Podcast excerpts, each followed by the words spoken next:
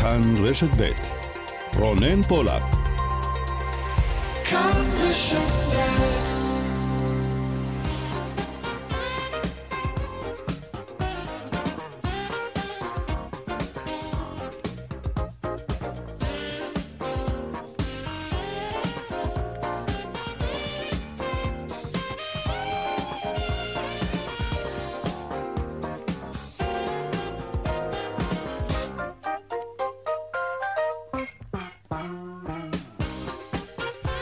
עכשיו ארבע ועוד אה, חמש דקות. צבע הכסף, התוכנית הכלכלית כאן ברשת ב', שלום לכם, שבוע טוב. בפיקת התוכנית היום היא הילה פניני, טכנאי השידור קובי בז'יק.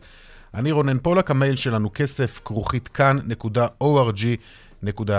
אנחנו מיד מתחילים.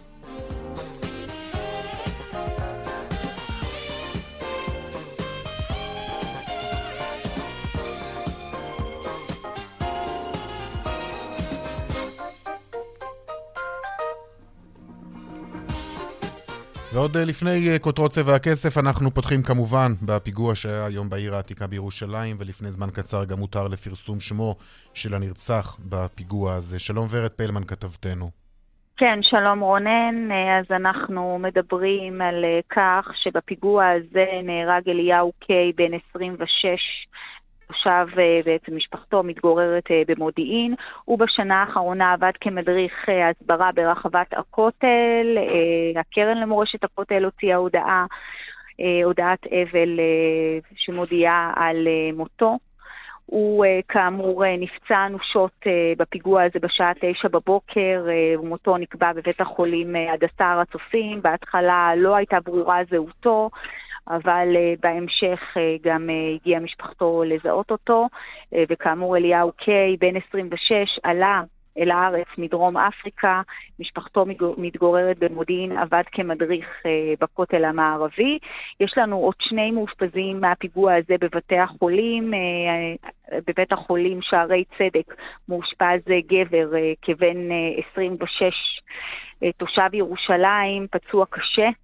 ובבית החולים הדסה עין כרם, אה, תושב אה, אחר של העיר, של, סליחה, של הרוב היהודי, מתגורר בעיר העתיקה, אה, בן 46, פצוע בינוני, הוא בהכרה, מתקשר, הוא נפצע בזרוע, ועוד שני שוטרים שנפצעו במהלך השתלטות על המחבל, נפצעו קל והם כבר שוחררו.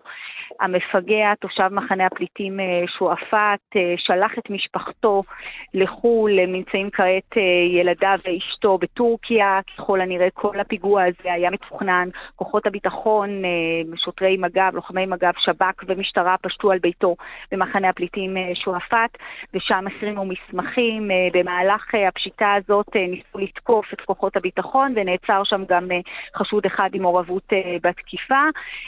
זה כאמור העדכונים על הפיגוע שהתרחש בשעה 9 בבוקר סמוך לשער השלשלת בעיר העתיקה, יאיר, רונן, סליחה. ורד, תודה רבה לך. תודה.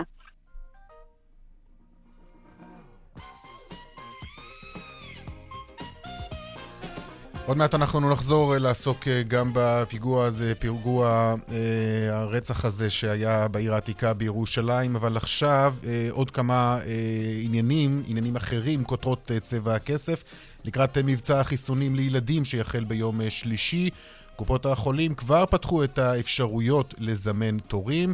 מיד נתעדכן על כך. מוקדם יותר אמר ראש הממשלה בנט, החיסונים בטוחים ויעילים. הוא דיבר בפתח ישיבת הממשלה השבועית. החיסונים האלה כבר ניתנו למיליוני ילדים בעולם, בעיקר בארצות הברית. החיסונים בטוחים ויעילים. בני, דוד, יהיה מהראשונים להתחסן, וכך אני מצפה מכל הורי ישראל, בוודאי משרי הממשלה שיש להם אה, ילדים בגיל הרלוונטי. לא צפויות הקלות נוספות בתוך ישראל בשלב זה. ישראל פתוחה, בטוחה, ואנחנו נפעל שככה יימשך. בינתיים גל התחלואה באירופה בשיאו עם עוד מדינות שמטילות הגבלות ונכנסות לסגרים. אוסטריה הודיעה היום כי גבולותיה ייסגרו לתיירים. גם חברות התעופה בארץ נערכות בהתאם ומבטלות קווים. מיד נתעדכן גם על כך. הממשלה אישרה היום עוד תוכנית סיוע לחברות התעופה הישראליות שנפגעו במשבר הקורונה. על פי המתווה שגיבשו משרד האוצר ומשרד התחבורה, המדינה תציע לחברות התעופה סיוע באמצעות הנפקת אגרות חוב שיהיה אפשר להמיר למניות בעוד שלוש שנים בלי ריבית. ההיקף הכולל של הסיוע לכל החברות לא יעלה על 44 מיליון דולרים ויותנה בכך שהבעלים יזרימו גם הם סכום זהה. הדרמה בחברת אה, סלקום, מנכ"ל החברה אבי גבאי, לשעבר יושב ראש מפלגת העבודה, הוא הודיע על התפטרותו שנתיים בלבד אחרי שנכנס לתפקיד. גבאי אומר, בשלה העת עבורי לאתגרים חדשים. שלום דנה ירקצי, כתבתנו. שלום, שלום אה, רונן. אילו אתגרים חדשים הוא רוצה אחרי שנתיים בלבד. כן, אה, אז חברת סלקום דיווחה לבורסה הבוקר כי המנכ"ל אבי גבאי התפטר מתפקידו. עוד לא נקבע מועד לסיום כהונתו. העזיבה הזאת של גבאי הפתיעה את שוק הסלולר וגם את החברה, במיוחד לאחר שלא עברו שנתיים מסיום כהונתו.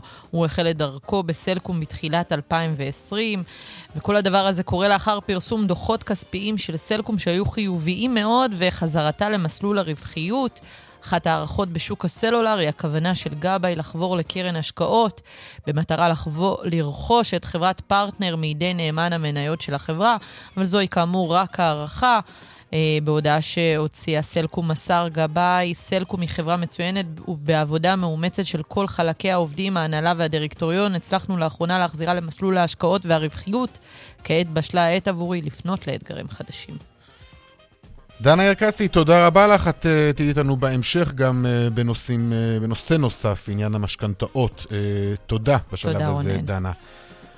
עוד uh, כותרות, uh, בהמשך כמובן, בהמשך צבע הכסף, מי הם הבנקים הידידותיים ביותר עבור העסקים הקטנים? כן, יש דבר כזה, והאמת היא שזה ממש, אבל ממש חשוב עבור העסקים הקטנים והבינוניים, ודאי בתקופת משבר הקורונה.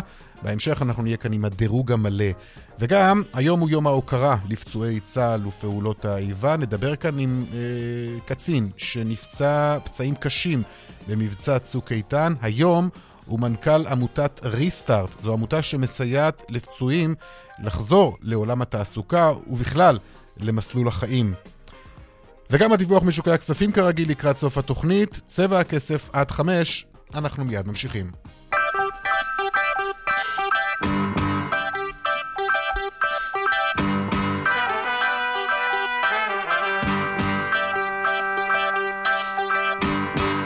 אנחנו uh, חוזרים uh, לפיגוע שהיה הבוקר בעיר העתיקה בירושלים, והאזרח שנרצח בפיגוע הזה הוא אליהו קיי, האזרח שנרצח uh, בפיגוע הירי הזה, הוא בן 26 ממודיעין, עובד הקרן uh, למורשת הכותל המערבי. שלום לך, משה שטיינמץ, כתבנו. שלום רונן. עוד פרטים גם על החקירה שנמשכת? כן, אה, מה שמנסים אה, כעת אה, להבין חוקרי השב"כ וימ"ר ירושלים, שמנהלים במשותף את חקירת הפיגוע, זה בעיקר האם היו סימנים מקדימים לפעולה שביצע אותו מחבל הבוקר. אנחנו כאשר... שמענו אגב שהמשפחה שלו אה, נשלחה לטורקיה עוד קודם נ... לכן, נ... יפה, וזה דבר מחדד וזה... את החשש שכנראה אבל... כן היה איזשהו תכנון מוקדם. אבל השאלה היא, אה, ומה שאנחנו עדיין לא יודעים אה, לגמרי, מה הרקע של העזיבה של המשפחה את הארץ, עוד לא ברור, mm-hmm. האם זה היה איזשהו סכסוך משפחתי שבשלו היא עזבה את הארץ, וכתגובה כבר ראינו אירועים אה, כאלה. המחבל החליט אה, לבצע פיגוע ולמות כשהיד אה, בדרך הזו, או שבאמת אה, בשל התכנון המוקדם הוא שלח את משפחתו. לנו לפחות הדברים האלה עוד לא ידועים, אני לא יודע להגיד לך האם חוקרי המשטרה והשב"כ כבר קיבלו תשובות. כן, אני יודע להגיד לך שהם פשטו על ביתו של המחבל במחנה פליטים שועפאט בשעות האחרונות, עיכבו לחקירה כמה מבני משפחתו, וזה גם אנחנו רואים דבר כזה קורה בלא מעט אה, פיגועים גם כדי לנסות ולהבין עם מי הוא היה בקשר, מהיכן הוא השיג את אה, רובי הקרלו שבאמצעותו הוא ביצע את הפיגוע, אם היו אנשים שידעו על הכוונה לבצע את הפיגוע טרם לכן, והם כמובן אה, אה, ייענשו במידה ואכן אה, המשטרה אה, תגלה ותצליח אה, להוכיח את זה. האם ישנם אנשים נוספים שמתכננים לבצע פיגועים והיו בקשר איתו, הפעילו אותו? כל הדברים האלה כרגע בחקירה של שירות הביטחון הכללי וימ"ר ירושלים. כמו שאמרנו, פשיטה על ביתו במחנה הפליטים שועפאט, כאשר השוטרים מגיעים לבית, יש שם גם איזושהי הפרת סדר וניסיונות להתנגד לשוטרים, וחוץ מבני המשפחה שעוכבו, חשוד אחד בעצם בהתנגדות לשוטרים נעצר במחנה הפליטים שועפאט. אזור אה, העיר העתיקה בירושלים, אזור רגיש בדרך כלל. אה, אנחנו יודעים משהו על היערכות השוטרים, אנחנו יודעים גם שבמקרים רבים אה, פיגועים כאלו או אחרים תדלקו את האווירה ויצרו אולי... נכון מאוד, תראה, רגוע. מאז שעות הבוקר רגוע יחסית באזור העיר העתיקה. לא ראינו מקרים של הפרות סדר, התקהלויות וכיוצא בזה, דברים שקרו בעבר אחרי פיגועים. הרחובות למעשה חזרו לשגרה, אבל כמו שהזכרת, גם היה לנו ביום רביעי פיגוע דקירה ממש מאות מטרים מהנקודה שבה אירע הפיגוע היום. ובהחלט אה, יש חשש גדול לפיגועי חקיינות. ראש הממשלה נפתלי בנט משוחח הבוקר עם המפכ"ל והשר לביטחון הפנים, מבקש מהם להעלות את הכוננות בירושלים. אני לא יודע אם באופן רשמי המשטרה מעלה את רמת הכוננות שלה, אבל ברחובות זה בהחלט מורגש. משה שטיינמץ, תודה רבה לך. תודה. עכשיו אה, אנחנו ליפו, אה, אחרי שהמשטרה עוצרת שם חשוד באירוע דקירה, צעיר כבן 18 מאזור ג'נין. ללא אישור שהייה בישראל. שלום לך, דניאל אלעזר, כתבנו. שלום רונן, כן, אז אה, לפני זמן קצר אה, שוטרים במרחב אה, יפתח בתל אביב עוצרים צעיר כבן 18, שוהה בלתי חוקי, תושב נפת ג'נין, בחשד לדקירה בבני זוג בני 67 ברחוב בת ים ביפו. החשד שמסתמן כרגע במשטרה, מתחזק החשד למניע לאומני.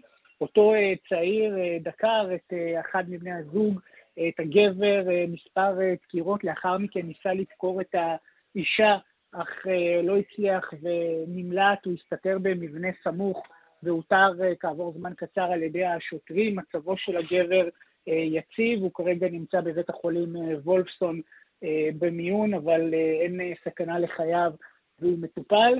ועכשיו גם uh, הוא יעבור ככל הנראה בהמשך uh, גם uh, ייתכן לחקירת שב"כ, כרגע הוא נחקר במשטרה בתל אביב, כבר אבל עכשיו אפשר לדווח שגם השב"כ מעורב בתמונה, ויהיה ניסיון לברר מהיכן בדיוק הגיע הצעיר, האם זה באמת פיגוע שעשוי להיות חקיינות למה שראינו מוקדם יותר היום, או שאולי מדובר על נסיבות אחרות.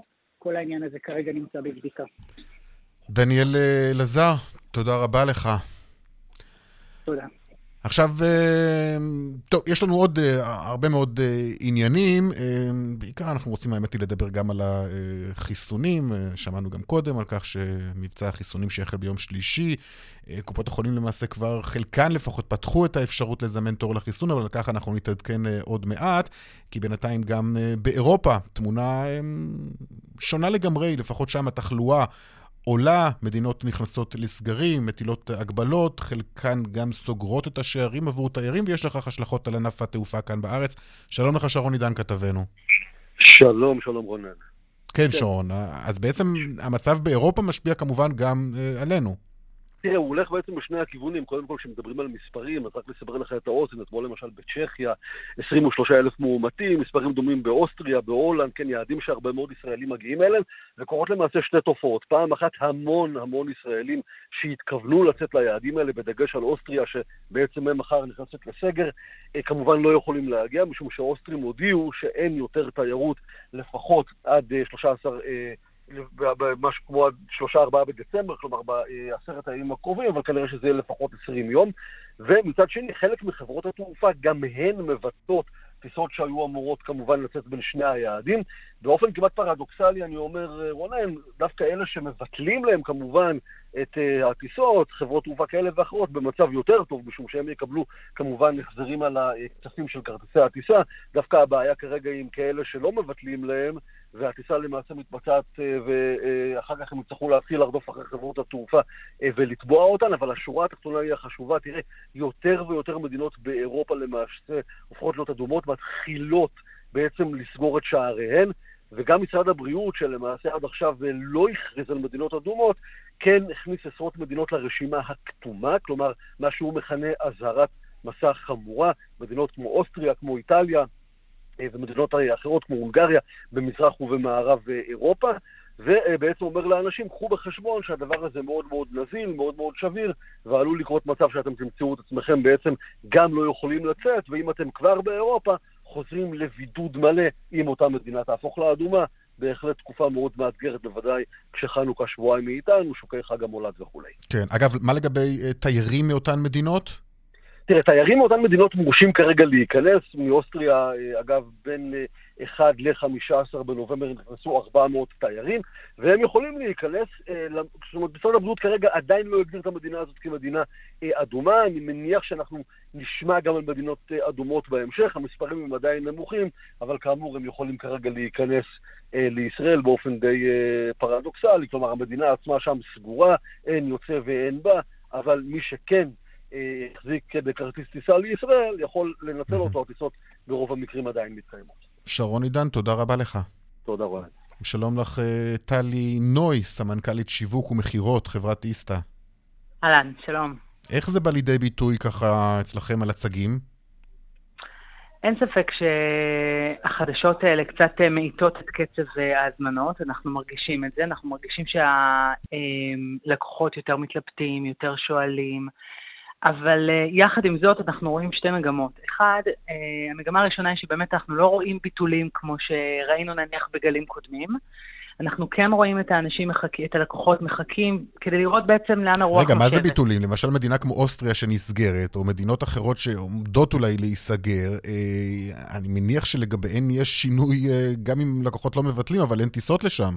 הם לא יכולים לטוס. נכון, במקרים האלה כן, אבל המסה העיקרית של ההזמנות כעת, בין כה הייתה לדוב, למקומות, ליעדים אחרים, כמו דובאי.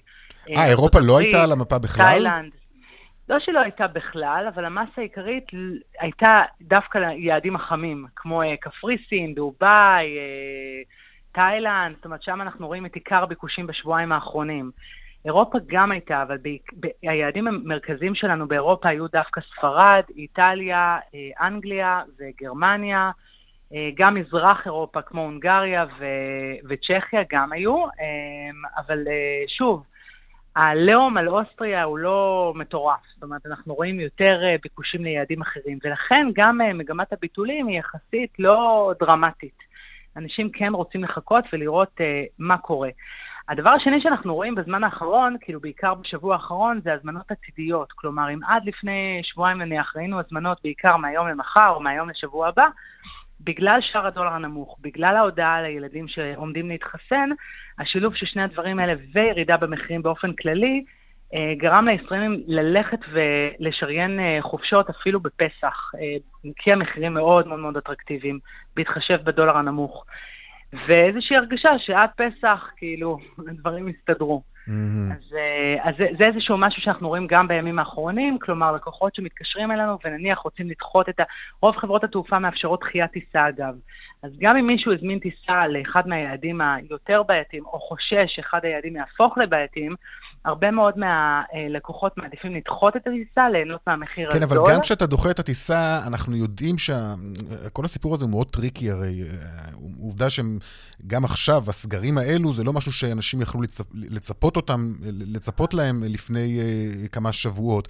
וכשאתה מזמין גם לתקופה עתידית יותר, צריך לקחת בחשבון את כל האפשרויות. אני לא חושבת, אתה לא יכול להשוות את התקופה הנוכחית לסגר הקודם. קודם כל, בוא, אין, אין סגר, זאת אומרת, אנחנו נעזוב את אוסטריה, אין אה, לא בספרד ולא באנגליה ולא במדינות אחרות.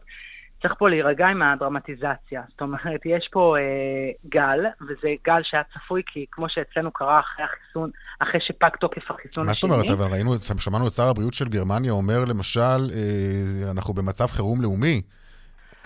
אפשר להתעלם לא, מההכרזות האלו, ובסוף את יודעת, בן אדם שרוצה לטוס לחופשה, הוא גם לא רוצה לבוא נכון. ולגלות שהכל סגור ושאין מה לעשות נכון. ביעד. נכון, אבל יחד עם זאת, אני חושבת שהפעם, בניגוד לפעמים קודמות, אני מקווה, אני לא חושבת, אני מקווה mm-hmm. שאירופאים ומדינות אחרות בעולם ימהרו ויחסנו בבוסטר, כמו שקרה פה בישראל, והדברים האלה ייפתרו יחסית מהר, אני מקווה. והישראלים בינתיים נהנים מחופשות במקומות שהם יותר ירוקים ויותר פתוחים, ואפשר לעשות את ההמרה. ואתה יודע, ובכל זאת ליהנות מחופשת חורף אה, כזאת או אחרת. תגידי, העובדה ששער הדולר בשפל מגבירה את קצב ההזמנות? כפי שאמרתי, כן. אני חושבת ששוב, בניגוד למה שקרה לפני שבועיים, אנחנו רואים ב...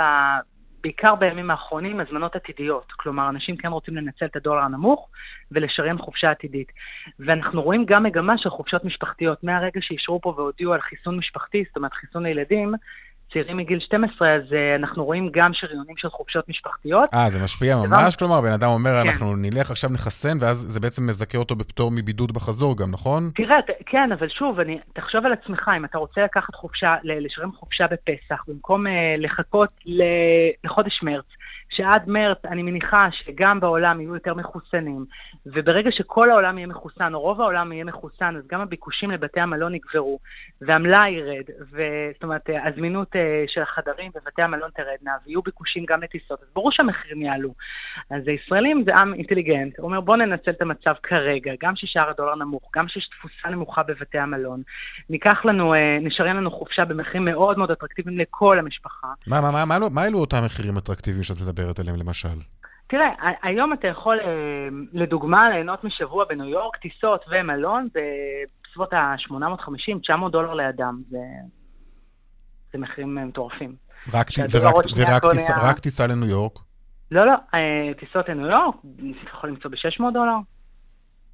טוב. תלוי שוב, תלוי מתי ו- ובאיזה חברת תעופה, אבל בגדול אתה יכול בהחלט למצוא, ב- יש אפילו עכשיו ב-520 דולר, 526 דולר. אה, יש אה, חופשות של ארבעה לילות בקפריסין ב-200 דולר, ברומא חמישה לילות 360 דולר, בדובאי אם אתה נוסע עכשיו לחמישה לילות אתה בהחלט יכול למצוא מחירים בסביבות 490 דולר, אה, סקי ב-770 יורו, כלומר באמת מחירים שהם גם אובייקטיבית מאוד זולים, וגם עם שער הדולר או היורו אתה מקבל חופשה במחירים מאוד מאוד טובים. עכשיו, הישראלים פחות אה, חוששים, גם מכיוון שהם מחוסנים בפעם השלישית, וגם כי הם חכמים ויודעים למצוא את היעדים שהם יותר ירוקים ויותר בטוחים, ויודעים לשר... אה, לאפשר לעצמם חופשה אה, ולמצוא גם ביטוח שככה יאגף אותם. אני חושבת שגם התקופה הזאת, תקופת ה... נקרא לזה, אני הייתי שמחה לקרוא לזה אחרי קורונה, פוסט קורונה, אבל זה עדיין קצת עם הקורונה, היא מתאפיינת בהתייעצות אה, אדוקה עם סוכני נסיעות. זה נכון שאני פה על תקן אה, נציגת סוכני נסיעות אה, של איסתא, אבל אני מדברת באופן כללי על סוכני נסיעות. אני חושבת שיותר ויותר ישראלים, על אף העידן הטכנולוגי ועל אף התקופה שלמדנו לעבוד עם זומים, הישראלים כן מתייעצים עם סוכני נסיעות, וכן חשוב להם להיות בקשר עם סוכני נסיעות, דווקא בגלל התקופה הזאת, כדי לדעת איזו חברת תעופה מאפשרת דחייה, איזו חברת תעופה מאפשרת ביטול והחזר אה, כספי, אה, איזו חופשה אה, שמאפשרת הזמנת בית מלון עם החזר כזה או אחר. כלומר, הדברים האלה מאוד מאוד חשובים. אנחנו פגשנו לא מעט כן. ישראלים, אתה יודע, שהזמינו mm-hmm. טיסות לואו-קוסטים, ופשוט לא היה להם עם מי לדבר. ו- וכעת, מאוד מאוד, השיקול הזה הוא מאוד משמעותי. בגלל ה... אתה יודע, כל יום... בגלל התקופה, כן, מן הסתם. נכון, אוקיי. וכל יום המדיניות משתנה. טלי נויס, סמנכ"לית השיווק ומכירות אה, של איסתא, תודה רבה לך. בבקשה, ערב נעים. להתראות.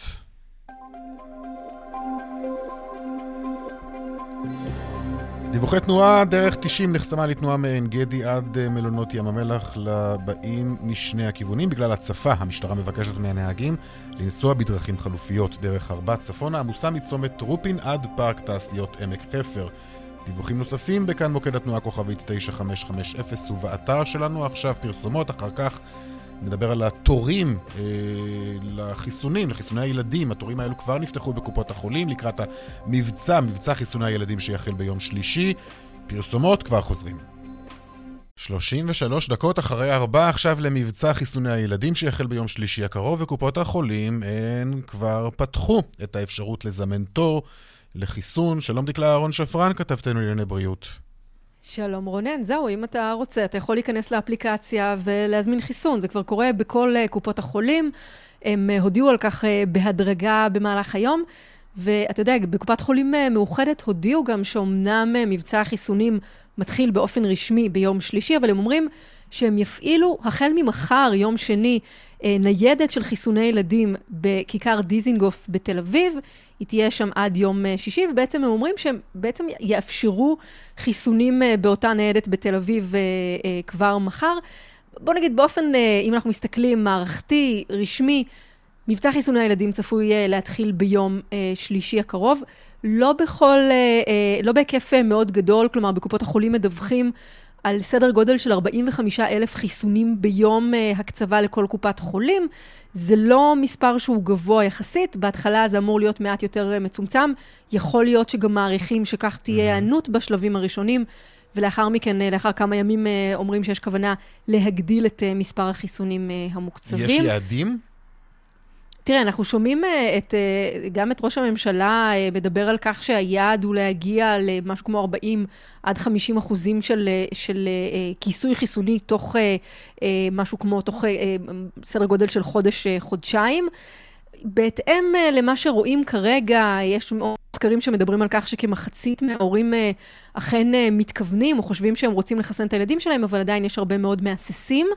אה, ולכן, בוא נגיד שההערכה המתקבלת כרגע היא שבתחילה מבצע החיסונים לא יזכה להיענות מאוד גדולה, כמו שראינו בעבר בחיסונים של המבוגרים, ואולי גם לא כמו שראינו בחיסונים של המתבגרים. שם אנחנו נזכיר, בתחילה היה זרם אה, קטן יחסית, אה, ככה מצומצם, ורק כאשר ראינו את גל התחלואה הרביעי פורץ, בעצם אנשים זרמו למרפאות ורצו uh, לחסן את המתבגרים שלהם. Mm-hmm.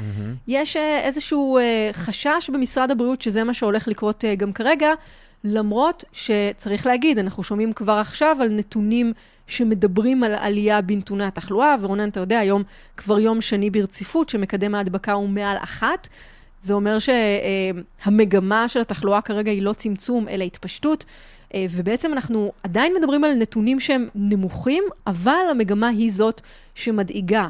וגם uh, במשרד הבריאות, גם uh, ראש הממשלה היום בפתח ישיבת הממשלה מדבר על כך שיש חשיבות גדולה לחסן את הילדים כדי, uh, קודם כל להגן על הילדים, וברמה השנייה להגדיל את uh, שיעור החיסוניות באוכלוסייה. כן, שמענו את הדברים... בפרט על רקע מה, באירופה, מה שקורה כרגע באירופה, בדיוק, כן. בדיוק, שמענו את הדברים של ראש הממשלה בפתח ישיבת הממשלה בתחילת כן. התוכנית, והוא גם דיבר שם על, ה...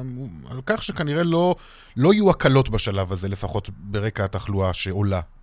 ממש ככה, באמת אנחנו שומעים את זה גם מבכירי משרד הבריאות כמובן, כל מה שדובר עליו מבחינת uh, הקלות במגבלות על ההתקהלויות ומסכות במקומות פתוחים uh, עד mm-hmm. מעל מספר מסוים, אז זה לא יקרה בשלב הזה, אבל מהצד השני גם לא מדברים על הטלת מגבלות נוספות, uh, כפי שזה נראה כרגע. לצד זאת צריך להגיד שאנחנו שומעים uh, במשרד הבריאות שהם מנטרים את הנתונים בצורה מאוד מאוד uh, uh, קפדנית, כדי לראות מה קורה מבחינת התחלואה העולה. צריך להגיד שאנחנו רואים בצורה מאוד מאוד מובהקת שהעלייה בתחלואה כרגע היא קודם כל בקרב ילדים, כשני שלישים מהנדבקים החדשים הם עד גיל 18. זה נתון מאוד מאוד משמעותי, ורואים גם mm-hmm. הרבה מאוד uh, לא מחוסנים בקרב המבוגרים שנדבקים. מרבית המבוגרים שנדבקים הם לא מחוסנים, ומזה גם נגזר, אתה יודע, יש אנשים שאומרים, רגע, אולי הבוסטר כבר פחות אפקטיבי, אולי צריך לחשוב על מה, מה, מה שקורה מהבחינה הזאת, על אפשרות של uh, ירידה ביעילות של החיסונים.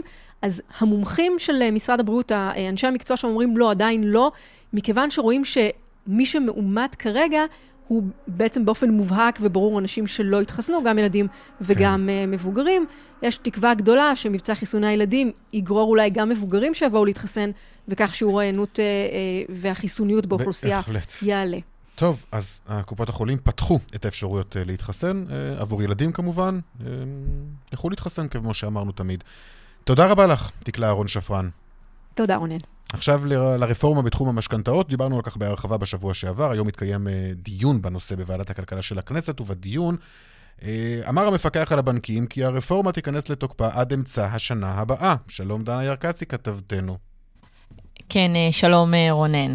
אז בנק ישראל פרס היום בוועדת הכלכלה את פרטי הרפורמה המתוכננת בשוק המשכנתאות. המפקח על הבנקים, יאיר אבידן, ציין כי היא צפויה להתחיל ב-1 ליולי 2022. עם זאת, הכוונה היא שהיא תתחיל לפעול עוד קודם לכן. תוכנית המשכנתאות החדשה של בנק ישראל, למי שלא יודע, כוללת סל משכנתאות אחיד שיהיה נתון להשוואה בין הבנקים השונים. אבידן הבטיח כי לקוח יקבל השוואה אחידה בכל בנק, כאשר יגובש סל משכנתאות אחיד וברור ופשוט להבנה, וכל בנק יספק באישור העקרוני שלושה סלי משכנתה אחידים, שהרכבם נקבע על ידי בנק ישראל, ו... אה, אורכם ייקבע אה, על ידי אה, החייב שיבחר, שייבחר על ידי הלקוח. הזמן לאישור העקרוני יקוצר לימים ספורים ותתאפשר הגשת בקשה וקבלת אישור באופן מקוון בכל הבנקים. עכשיו, יאיר אבידן, המפקח על הבנקים, הציג את לוח הזמנים המסתמן להחלת הרפורמה. בואו נשמע את מה שאמר. עד סוף דצמבר נשלים את ההסדרה, וכרגע בטיוטה שבאה להסדרה, הרצון להיכנס לפועל זה ב-1 ליולי 22. זה בהחלט לוח זמנים מאתגר, אנחנו רואים את הצרכן בתוכו, גם למערכת הבנקית יש להם אתגרים, בעיקר אתגרים עיקוניים נוספים. אנחנו ברגע מאוד מאוד נחושים, חושבים שזה אבן דרך מאוד מאוד מרכזית, על מנת שהמערכת תתחייל ותיכנס ב-1 ביולי, ולשם אנחנו פועלים. כן, אז למרות הדברים האלה, יו"ר הוועדה מיכאל ביטון פקפק אה, ביכולת של התוכנית הזאת להביא באמת לתחרות ממשית בשוק המשכנתאות. הוא ביקר את המצב הנוכחי היום בשוק, דרש כי בעוד ארבעה חודשים יציג בנק ישראל לוועדה את ההתקדמות ליישום הרפורמה. אין תחרות בשוק המשכנתאות בישראל. אין שקיפות, אין פשטות, אין ידע ואין שיטה. די אם uh, נדגיש נתון אחד, 54% מלוקחי המשכנתאות בכלל לא לקחו הצעה שנייה סופית בטרם לקחו משכנתה. זאת אומרת, אנשים פועלים בערפל, בעיוורון, וגם בכלל לא ניתן להשוות משכנתאות אחת לשנייה, בשל היעדר פרמטרים זהים להשוואה. בעצם אנשים עובדים בבליל הידע הפיננסי שהוא שמור לבעליו, כן. כן, וגם ממלאת מקום הממונה על התחרות מיכל כהן הדגישה את הריכוזיות בשוק ורמת התחרות הנמוכה, ואמרה כי שלושה בנקים מחזיקים כיום בכ-85% משוק המשכנתאות, וכיום הם פחות נלחמים ביניהם.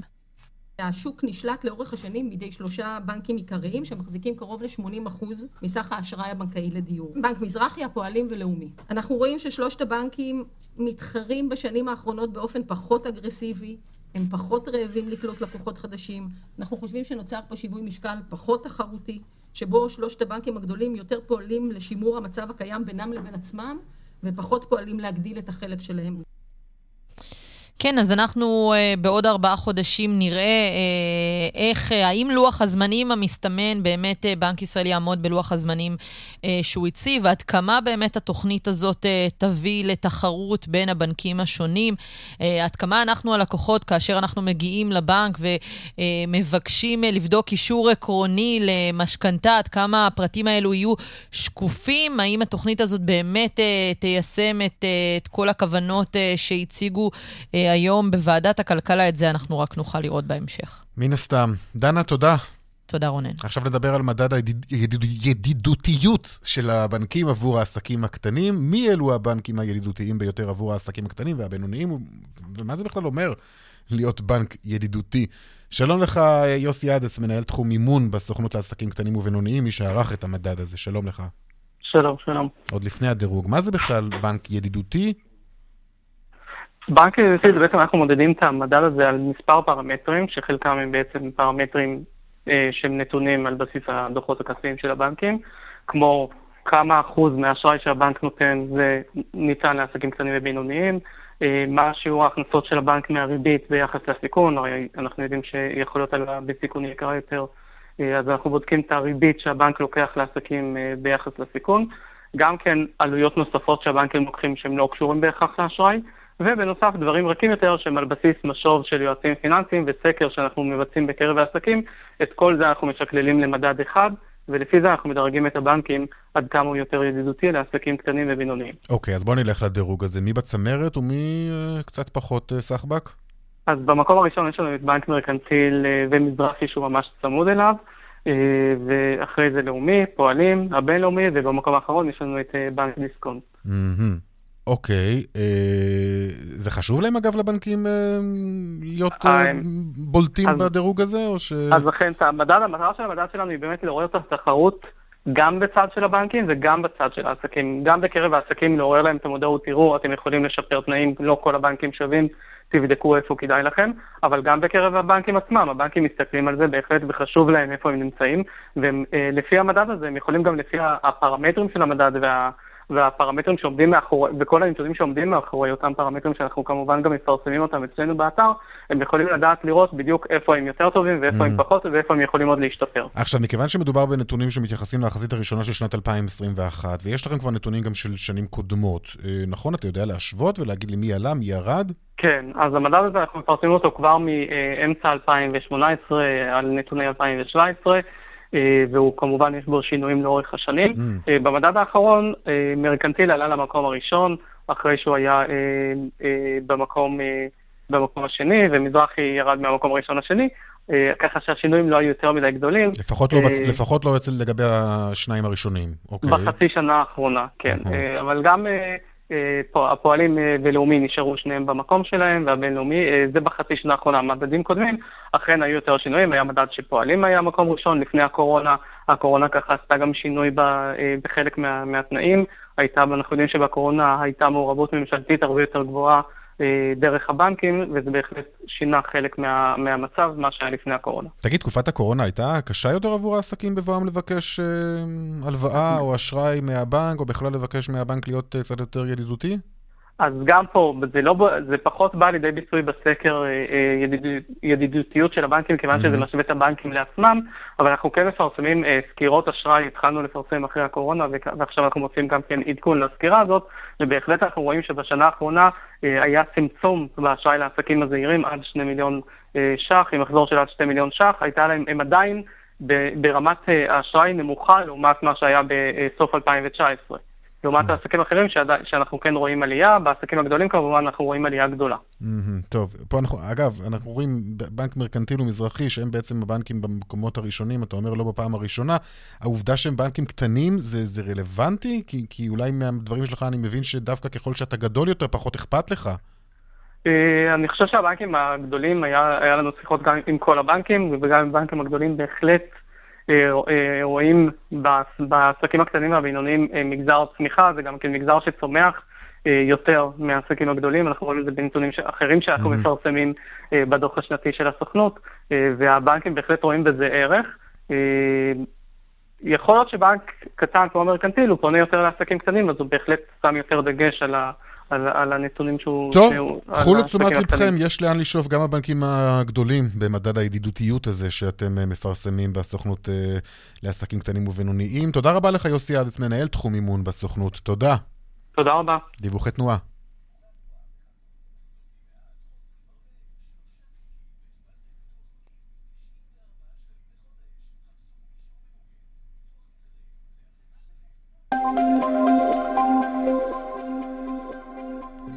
בדרך החוף צפונה עמוס משפעים עד מחלף נתניהו, ממחלף חבצלת עד קיסריה. באיילון צפונה עמוס ממחלף חולון עד מחלף ארלוזרוב דרומה, ממחלף רוקח עד לגוארדיה וממחלף וולפסון עד קוממיות. דיווחים נוספים בכאן מוקד התנועה כוכבית 9550 ובאתר שלנו עכשיו הפסקת פרסומות נוספת. אחר כך נדבר על יום ההוקרה לנפגעי, אה, פצועי, נכי מערכות ישראל ופעולות האיבה. יש חברה שעוסקת אה, בסיוע לפצועים לחזור לעולם התעסוקה ובכלל למסלול החיים. פרסומות, כבר חוזרים. 51 דקות אחרי ארבע, מדינת ישראל מציינת היום את יום ההוקרה ליותר מ-58 אלף פצועי ונכי מערכות ישראל ופעולות האיבה. שלום לך, ניב אה, פרון, מנכ"ל עמותת ריסטארט. שלום, שלום. אתה בעצמך נפצעת קשה במבצע צוק איתן, והיום אתה עומד בראש העמותה הזאת, ריסטארט, שמסייעת בעצם אה, לפצועים לחזור לעולם התעסוקה ובכלל למסלול החיים. נכון. אה, בוא, בוא ספר לנו על העמותה, איך נולד הרעיון ובכלל מה אתם עושים. אז ריסטארט, באמת אני נפצעתי בצוק איתן, בהיתקלות, מכדור ביד ומכדור בחזה, והגעתי לריסטארט כשהיא עוד הייתה מיזם, הם שינו לי את החיים. ו- וככה רציתי להמשיך ולתת הלאה, אז כשהקימו אותה רשמית כעמותה, הצטרפתי להקמה, ומאז אני בעצם עומד בראשה. ריסרד זאת עמותה שהמטרה שלה היא להיות מקפצה עבור פצועי צה"ל שיצאו ממסלול החיים הנורמטיבי, נקרא לזה, של צבא, טיול אחרי צבא, לימודים, קריירה, ונכנסו למסלול של שיקום, של התמודדות עם מגבלות פיזיות, מגבלות נפשיות, ורוצים לחזור למסלול החיים, וצריכים את הדחיפה הקטנה הזאת כדי להגיע לשם, יש לנו שני עולמות שאנחנו מתעסקים בהם, אחד היא פיתוח אישי וקריירה, מביאים המון אנשים במגזר העסקי כדי להצטרף ולעזור, ללוות פצועים כדי באמת למצוא מטרות אישיות ולבנות תוכניות עבודה כדי להגיע למטרות האלה, ובאמת עשרות של פצועי צה"ל שמצאו עבודה והקימו עסקים ואפילו התחילו ללמוד. מה אתה אומר? איזה יופי. כן. עכשיו תגיד, כמה באמת היא קשה החזרה למסלול החיים אחרי הפציעה? אז, אז כמו שאמרתי, באמת בסוף כשאתה נפצע, אתה יוצא ממסלול של uh, חיים נורמליים, מסתכל ימינה ושמאלה בתוך כדי תהליך שיקום. וצריך לחשוב מסוג מחדש, וזה מאוד לא פשוט כשבאות כל המגבלות הפיזיות, הפוסט-טראומה שמלווה שם. ופה ריסה נכנס לתמונה, כי המטרה שלנו היא קודם כל להסתכל על הפצועים כבני אדם, ולהגיד, אוקיי, הפציעה היא קשה, ההתמודדות היא קשה, אבל יש גם חיים שאחרי. Mm-hmm. יש מקום להתקדם, יש מקום של לעשות, יש מקום של להיות פעיל בחברה הישראלית. ו- ואיך זה מסייע להם באמת? כמה, אנש, כמה, כמה כאלה כבר uh, הצליחו uh, לחזור לחיים ולתעסוקה? אצלנו עברו כמעט 200 פצועים, uh, והרשימה רק uh, עולה משנה לשנה. באמת מקבלים את הליווי, גם העסקי וגם טכנולוגי, אנחנו מפתחים כל מיני פתרונות טכנולוגיים לפצועים, ובאמת יוכלו לעשות דברים שהם לא יכלו לעשות קודם, כי אם אני מסתכל במילה אחת, המילה מסוגלות היא הדבר שאנחנו מנסים לייצר. את ההבנה שכל דבר הוא אפשרי, אפילו עם הפציעה, אפילו עם האתגרים הקשים. ועכשיו אתם בגיוס המונים, נכון? נכון, אנחנו בגיוס המונים, כי המטרה שלנו בשנה הבאה זה גם לעשות את הפעילות שלנו יותר מקצועית, וגם לעזור לעוד 50 פצועים אה, לחזור למסלול החיים. ואנחנו באמת קוראים לכם אה, לבוא, לעזור, לתרום כל שקל שיגיע, יעזור לעוד פצוע, לקבל את הליווי שהוא צריך כדי לחזור למסלול. יפה, בהחלט יוזמה מבורכת, אה, ושיהיה בהצלחה עם זה כמובן. אה, תודה רבה לך, ניב עפרון, מנכ"ל עמותת ריסטארט. תודה ובהצלחה. תודה רבה, תודה רבה. עכשיו לדיווח משוקי הכספים, שלום רונן מנחם, כלכלן ראשי מזרחי טפחות. שלום רונן, מה שלומך? אני בסדר, תודה. מה... איך נפתח שבוע המסחר בתל אביב?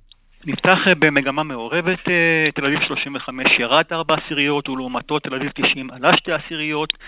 בלטו לטובה חברות הטכנולוגיה והתקשורת שעלו בממוצע כאחוז אחד. אה, מולן חברות הביומד איבדו כאחוז אחד בשמונה עשיריות, חברות הנפט והגז ירדו כאחוז אה, וחצי. אה, בזירת המניות סלקום עלתה אחוז ושתי עשיריות על רקע עזיבת המנכ"ל אבי גבאי, ופרטנר סנקרתי תשעה אחוזים ועשירית אחת. בשוק האג"ח הייתה היום מגמה מעורבת, טלבון שקלי עלה 18 מאיות, טלבון צמוד ירד 14 מאיות. ולסיום, שוק המטח, שער שקל דולר מיום שישי האחרון, שלושה שקלים, שמונה אגורות ושבע עשיריות. ערב טוב. ערב טוב, תודה לך, רונן מנחם, להתראות אה, חמש דקות לפני אה, חמש, סיימנו, צבע הכסף, מהדורה ראשונה לשבוע זה, הפיקה את התוכנית הילה פניני, טכנאי השידור קובי בז'יק, חגית אלחייני במוקד התנועה. אני רונן פולק, המייל שלנו לפניות שלכם, כסף כרוכית כאן.org.il, אנחנו גם בטוויטר, חפשו אותנו שם, יאיר ויינרב או רונן פולק, או שתקישו פשוט השטג צבע הכסף במילה אחת. תוכנית נוספת של צבע הכסף גם מחר בארבע. ערב טוב שיהיה לכם. להתראות, ביי.